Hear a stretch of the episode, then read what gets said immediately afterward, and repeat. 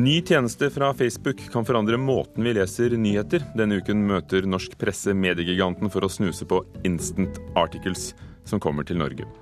Rekordåpning for en dokumentarfilm i Norge med 'Mannen fra Snåsa' denne helgen.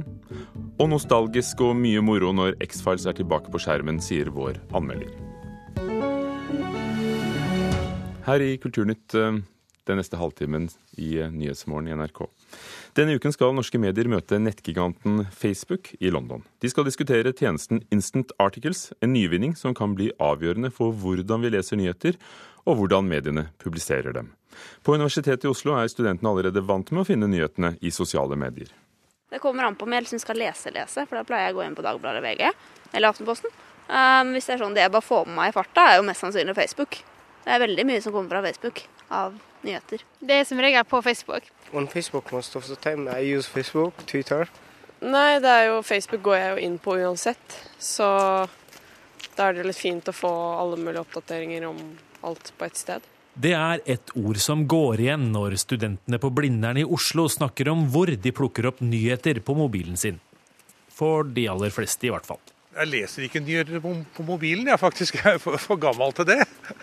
Stort sett, da. Men hvis jeg gjør det, så leser jeg Dagbladet VG. Uansett er det liten tvil om at stadig flere bruker mobilen til å finne ut siste nytt, fastslår redaktør Jan Birkeland i Computer World. Og vi ser det mer og mer og mer at en eh, nyhetsforside, eh, de store nyhetsforsidene i Norge, NRK, VG, Dagbladet, blir mindre besøkt. Eh, mens antall artikler og antall besøk på artiklene går da oppover. Og dette er jo da via Spesielt ser vi da sosiale medier. Det er med dette bakteppet Facebook onsdag denne uka skal møte en samlet norsk mediebransje. Det de skal snakke om, er Instant Articles. Instant Articles det er eh, en eh, typisk nyhetsartikkel som du ser delt på Facebook, slik du gjør eh, i dag i feeden din. Forskjellen er at mediehusene publiserer sakene sine rett på Facebook, og at du leser dem der, i stedet for at du som i dag blir vist videre til nettavisa som har laget den. Dermed vil nyhetslesingen bli både enklere og gå raskere, mener Birkeland. Absolutt. Eh, jeg vil jo si at for, eh, for enkeltbrukeren så vil det bli en bedre opplevelse. ja. I USA har Washington Post gått i front. De publiserer nå alle sakene sine i Instant Articles. Lesertallene har skutt i været. Ifølge Klassekampen innebærer avtalene Facebook har inngått med amerikanske medier, at avisene beholder alle inntektene fra annonsene de selger selv. De får også 70% av inntektene fra annonsene Facebook selger, som et resultat av avisas innhold. Today, almost a billion people will visit Facebook to check out what's happening in the world around them. Most of them will come across articles in their newsfeed, shared by their friends and their favorite publishers. Tjenesten både ser og høres flott ut i Facebooks introduksjonsvideo, men det er også blitt reist flere betenkeligheter rundt Instant Articles. Blant annet det at Facebook med dette overtar for redaktøren som den som i siste instans bestemmer hva som publiseres. Jan Birkeland trekker også fram en annen side ved saken. For min del vil jeg nok si at det negative er at man eh, stadig vekk gir fra seg mer eh, informasjon om seg selv, spesielt på en side som Facebook der man er et, eh, rett og slett et reklameprodukt som selges. You know what they want? They want good stories. That's what's shareable. Good stories are shareable. Og reporter var Gjermund Jappé. Facebook har ikke vært eh, tilgjengelig for intervju. Digitalsjef i VG, Ola Stenberg, dere har prøvd mye nytt på nett. Gleder du deg til Instant Articles? Ja, det er vel kanskje da det passer seg å bruke et uttrykk som gledegruer seg. Um, nei da, jeg, um, jeg, gleder meg veldig til å se nærmere på Instant Articles og få føle litt tettere på kroppen hva dette egentlig er for noe. Vil dere bruke det, tror du?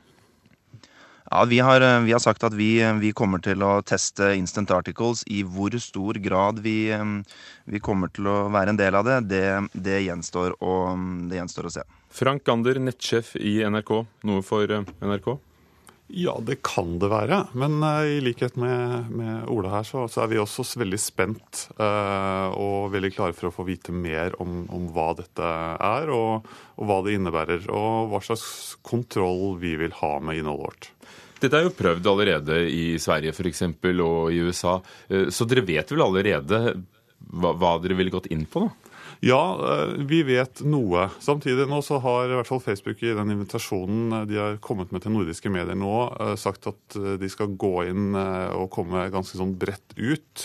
Eh, i den dialogen vi skal ha nå, eh, og, åpne for eh, å gi oss en innsyn i hele porteføljen deres. Og så er det helt sikkert masse vi ikke får innsyn i, de såkalte algoritmene. Altså de hemmelige oppskriftene som bestemmer hva du eller jeg skal se i Facebook-feeden vår. Og det er jo der noe av på en måte utfordringa for oss som publisist ligger. Det at vi gir fra oss innhold til en til en annen amerikansk kommersiell aktør, og lar de stå for deler av redaktørvurderingene som vi selv ønsker å ha kontroll på.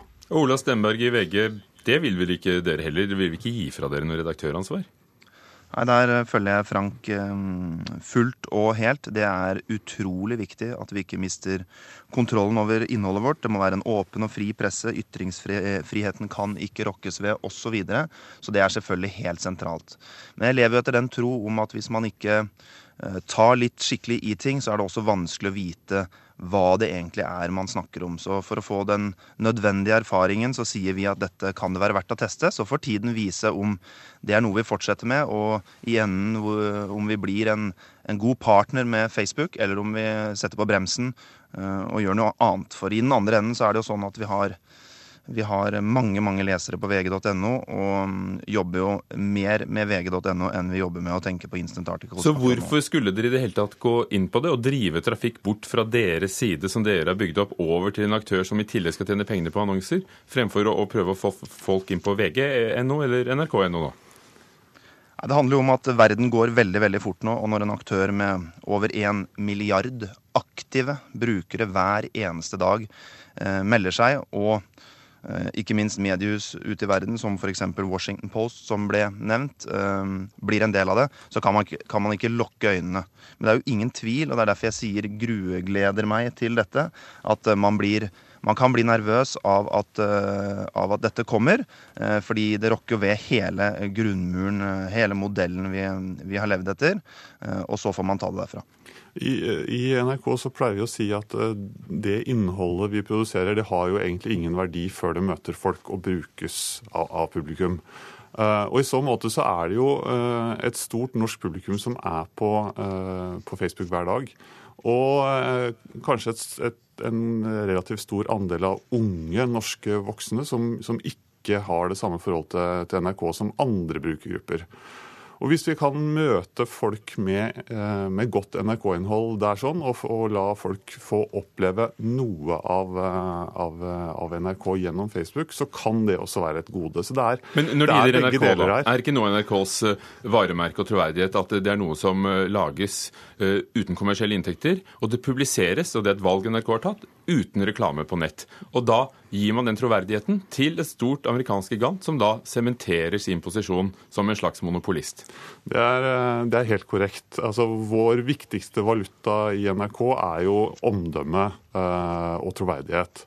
Og så, så, spørs og vil du gi den til Facebook? Så spørs det da om, eh, hvis vi begynner å publisere innhold på Facebook, om, om publikum oppfatter at dette kommer fra NRK, eller om måte, de oppfatter at dette er godt eh, Facebook-innhold, og at det er Facebook som sitter igjen med kreden. Det, det, vet vi ikke noe om, eh, men der må vi også se litt på hva slags erfaringer andre allmennkringkastere som, som, har et tettere samarbeid med Facebook i dag, har, eksempelvis eh, BBC. Er dere, Ola Stenberg i VG, er dere litt engstelige? Og at dere kunne ikke bare vært prinsipielle med en gang og sagt at nei, dette er ikke noe for oss? Jeg tror alle som jobber med medier i dag er litt engstelige. og Det er fordi at um, ting endrer seg utrolig raskt. Man blir på mange måter angrepet fra alle kanter. På en annen side så, så, så syns jeg dette bare er, er, spennende. Det er viktig å si at vi i, i den andre enden her så ligger vi jo ikke, ligger vi jo ikke brakk. Dagen etter terroren eh, traff Paris nå sist, så var det 1,92 millioner mennesker som valgte å besøke VG på mobil alene. Sånn at vi står jo ganske godt i dag. Så tror jeg man skal være veldig ydmyk når man går videre i forhold til hvor godt den posisjonen står. Og i den ydmykheten så ligger det å være nysgjerrig. Og Både nrk.no og vg.no er jo blant landets mest besøkte hjemmesider. Og likevel, i forrige uke valgte NRK Tromsø å sende eh, en sending video direkte rett på Facebook. Hvorfor det, Frank Ander? Ja, det er for å høste rett og slett erfaringer. Hva, hva slags dialog klarer vi å få med publikum der som vi ikke får med på egne flater, eksempelvis? eh, og, og teste litt mer erfaringer på, på det visuelle området. God tur til London, hvor dere skal møte eh, Facebook på onsdag. Frank Ander fra NRK og Ola Stenberg i VG.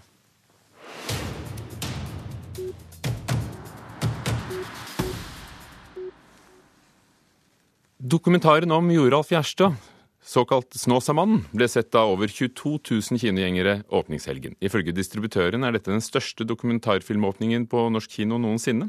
I går kveld hadde også filmen 'Mannen fra Snåsa' premiere i Snåsa i Nord-Trøndelag. Truskap imot det gode. Truskap imot sine neste. Truskap imot seg sjøl.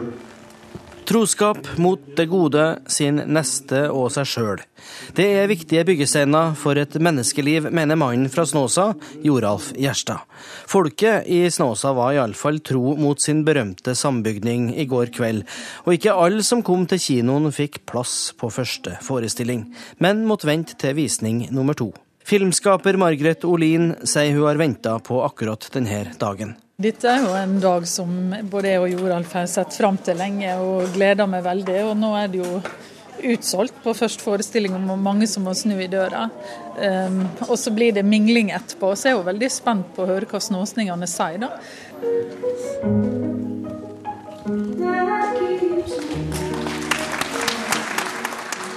Hva du syns om filmen? Jeg syns den var veldig interessant. Fikk fram veldig godt hva Joralf har stått for. Han er jo fortsatt en, eh, en eh, gåte for meg. Begeistring for filmen. Det er opprømte og til dels bevegede ansikt å se overalt. Snåsas ordfører Tone Våg er ikke noe unntak. Det betyr jo det at eh, det som filmen inneholder, som viser oss det gode da, ved mennesket, at vi kanskje ikke er flinke nok til å tenke på det. Og der har vi en læremester vi kan lære av. Hvordan vi skal møte medmenneskene våre. Det er veldig spesielt. og det, Jeg tenkte på det jeg kom inn og så, det første som slår meg at mer folk på kinoen har ikke vi hatt siden Max Manus. Ikke sant? Det sa kultur- og kinosjef i Snåsa, Kristin Østgaard. Hun har i likhet med kolleger andre steder i landet sett den store publikumsinteressen for filmen 'Mannen fra Snåsa'. Det er ikke sånn at man alltid skal putte verden inn i Dagsrevyen og for og imot. Dokumentaristen er mer poet. Dokumentaristen får tilgang til andre rom. Kanskje denne filmen kan løfte frem noe annet ved Joralf enn den polariserte debatten mellom alternativbransjen og legevitenskapen, for jeg ser ikke den konflikten når det kommer til Joralf. Hjertelig takk alle som kom. Det var så trivelig å se at det var så mange snåsninger som ville se hvem Joralf egentlig holdt på med. Og det var eh, Jørn Haudmann Andersen som var vår reporter i Snåsa i går kveld. Klokken er 16 minutter over åtte. Du hører på Nyhetsmorgen i NRK. Overskriften i dag. Det var ulovlig å sperre asylsøkere inne i Vestleiren i Finnmark, mener Norsk organisasjon for asylsøkere. NOAS stevner staten for retten etter at politiet hindret asylsøkere i å forlate leiren. Ørsmå plastbiter i sminke og tannkrem ødelegger livet i havet. Naturvernforbundet ber om forbud mot mikroplast, slik som USA har innført.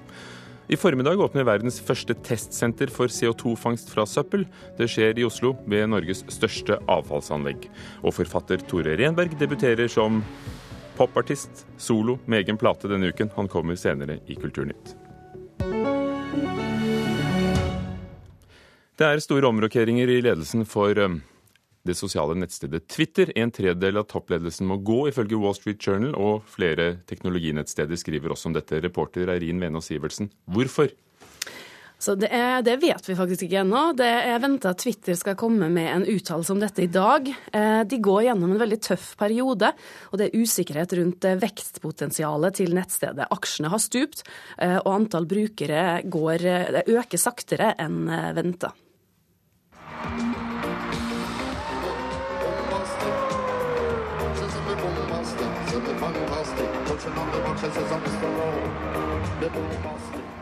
Dette her er den norske artisten Kygo, som overrasket 18 000 norske, eller New Yorkere var det, eh, i Barclay Center i New York i helgen med Shaggy som gjesteartist. Det skriver nettstedet 730.no. Kygo har hatt en rekke festivalkonserter med titusenvis av publikummere i det siste, men denne helga så gjorde han sitt største soloshow hittil. Han er altså den første nordmannen til å opptre i Barclay Center som headliner, og konserten ble filma av en fan som var der. Takk skal du ha, Eirin Venås Sivertsen. Det skal handle om en gammel serie som vender tilbake.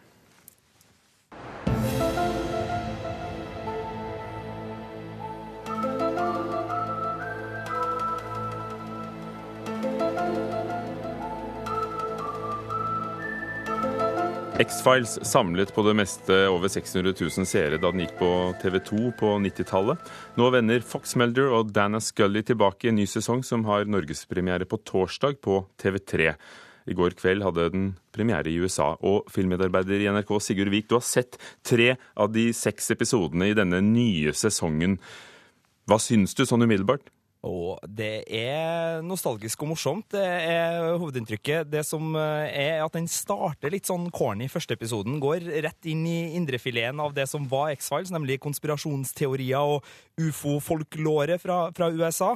Men øh, den er litt sånn replikkmerkelig, og de skal dytte veldig mye inn i den. Men hvis du går gjennom den og, og fortsetter å følge, så, så, kommer det en del virkelig gode episoder, ser ut til. I hvert fall de to uh, neste er X-Files på sitt beste. Både lun og morsom, og litt skummel.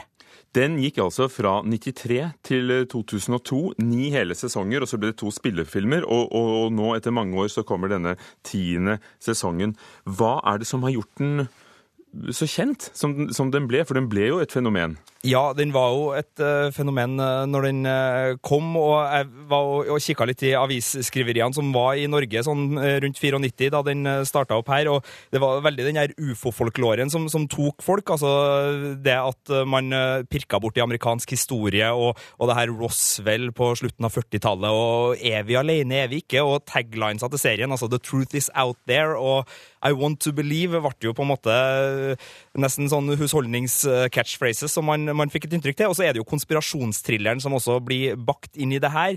Eh, Regjeringa skjuler kanskje noe. Det her var jo populært stoff, så, så sammen så ble det her en veldig sånn god populærkulturell eh, blanding som, som funka veldig bra. Og så var det jo litt brodd i det òg. De var litt sånn der på de svake sider og litt sånn samfunnskritisk, i tillegg til at du fikk aldri det der entydige svaret. Den var liksom åpent både for en vitenskapelig løsning ofte, og for en fantastisk og uforklarlig løsning. Så man fikk liksom både spise kaka si og ha den også. Det var litt av begge deler.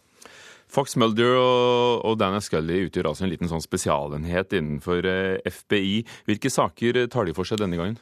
Å, skal man spoile sånt? Nja, Nei, men kan du kan antyde, antyde. Nei, de, de, går, altså, Man trenger jo ikke vorspiel når man har hatt ni sesonger og to filmer og, og drøssevis av uh, tie-ins og merchandise, og man går jo rett inn i, i biffen her og går på, uh, holdt på å si, moderskipet av konspirasjonsteoriene, så det går rett inn på det.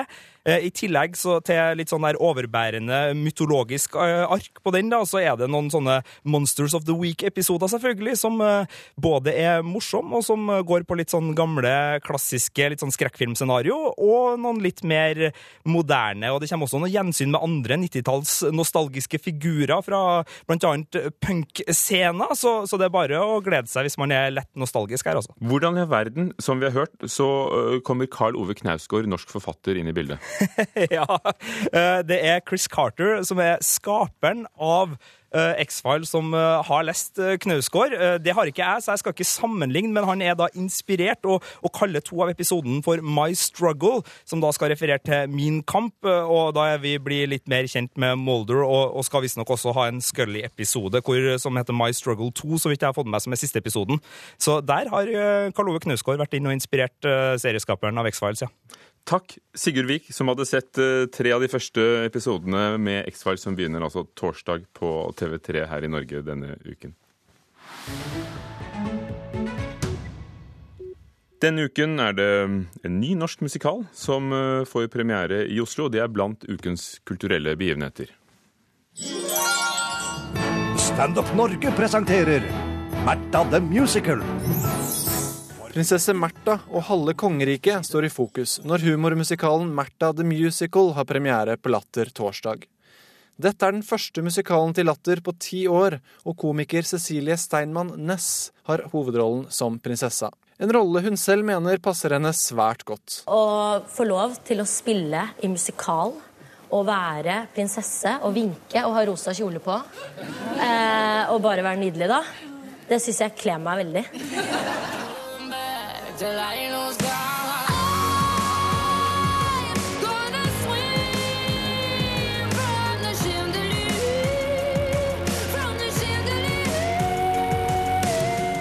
Den australske artisten Sia, som med sangen 'Chandelier' har over én milliard visninger på YouTube, slipper denne uka sitt syvende album, 'This Is Acting'.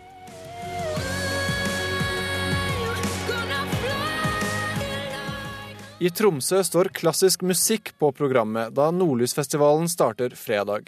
Mens i Trondheim har Erlend Los Doppler urpremiere på Trøndelag Teater dagen etter. Jeg har drept en elg? Ja, det, må jo, det er naturens gang. Det må kalven lære seg. Den kan være glad for at det var jeg, Doppler, som gjorde det, og ikke en eller annen skruppelløs fyr. Susanne Sundfør er en av mange norske artister som kan vinne Spellemannspriser på lørdag. Hun er sammen med Kygo nominert i fire ulike kategorier.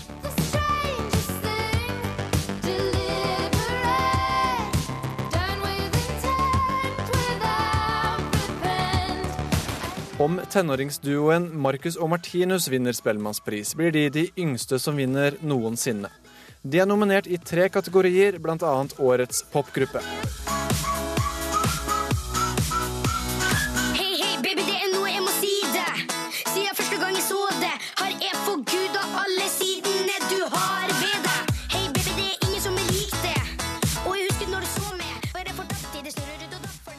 Magnus Lutnes Aas var det som hadde laget denne lille oversikten. Apropos ny musikk. Tore Renberg, kjent forfatter, nå også soloartist.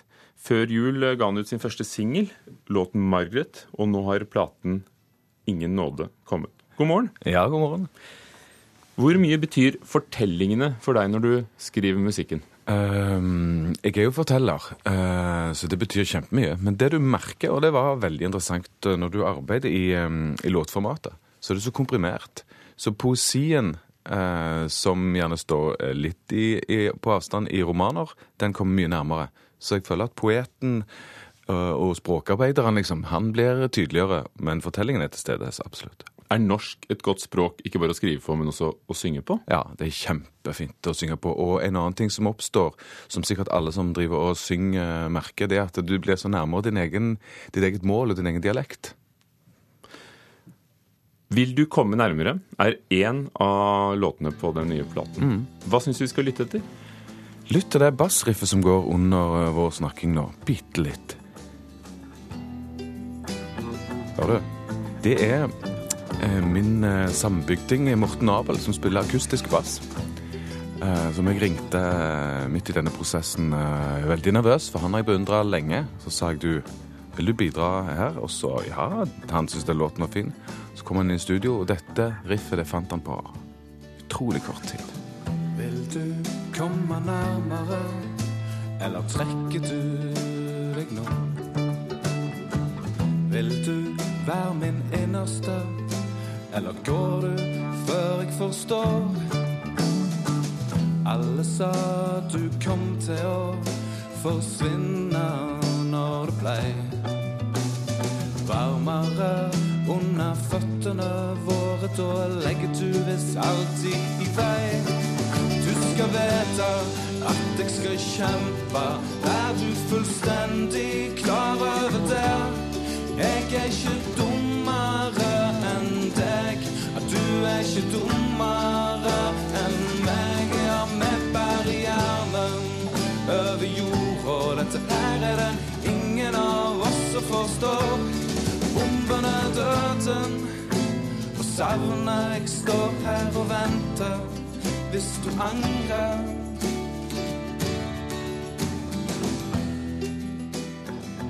Hva fikk deg på sporet av denne historien? Skrevet eh, rett opp under jul 2014. Jeg hadde stukket meg vekk på ei hytte for å jobbe. Det gjør jeg av og til for å få en, eh, en type konsentrasjon hverdagen ikke gir meg. Og det var snø og kaldt, og jeg kjente en eh, ensomhet. Jeg kjente savn. Og dette er et veldig godt eksempel på at kunst, eh, eller det som jeg jobber med, det er ofte situasjonelt betinga. Altså den helt konkrete rammen som du har når du produserer et eller annet, den smitter inn i, i produktet. da. Så denne tror jeg ikke hadde blitt skrevet hvis jeg ikke var der akkurat da. Ser du på platen, albumet, det er jo også kommet på vinyl, som en helhet? Ja. Er det som en novellesamling? Ja, det syns jeg at det er. Eh, absolutt. Jeg, jeg eh, ville være lei meg hvis jeg ikke hadde klart å skape en enhet. Jeg er jo opptatt av, jeg er opptatt av eh, helheten i det jeg lager, enten jeg skriver en bok eller lager en plate. Så jeg hadde ganske mange sanger gående, og så ha- handler det om å blant annet da, finne de som jeg syns jobber sammen i en, i en helhet, ja. Og hvordan jobber de historiene sammen? Ehm, jeg så ganske eh, klart at jeg hadde gående et, en tematikk som jeg tror er aksentuert litt av en urolig samtid, som jeg tror vi mange lever i, hvor jeg følte at um, det er et nådeløst liv vi står opp til om morgenen. Kjærligheten er nådeløs, naturen er det, politikken, rammene våre er det.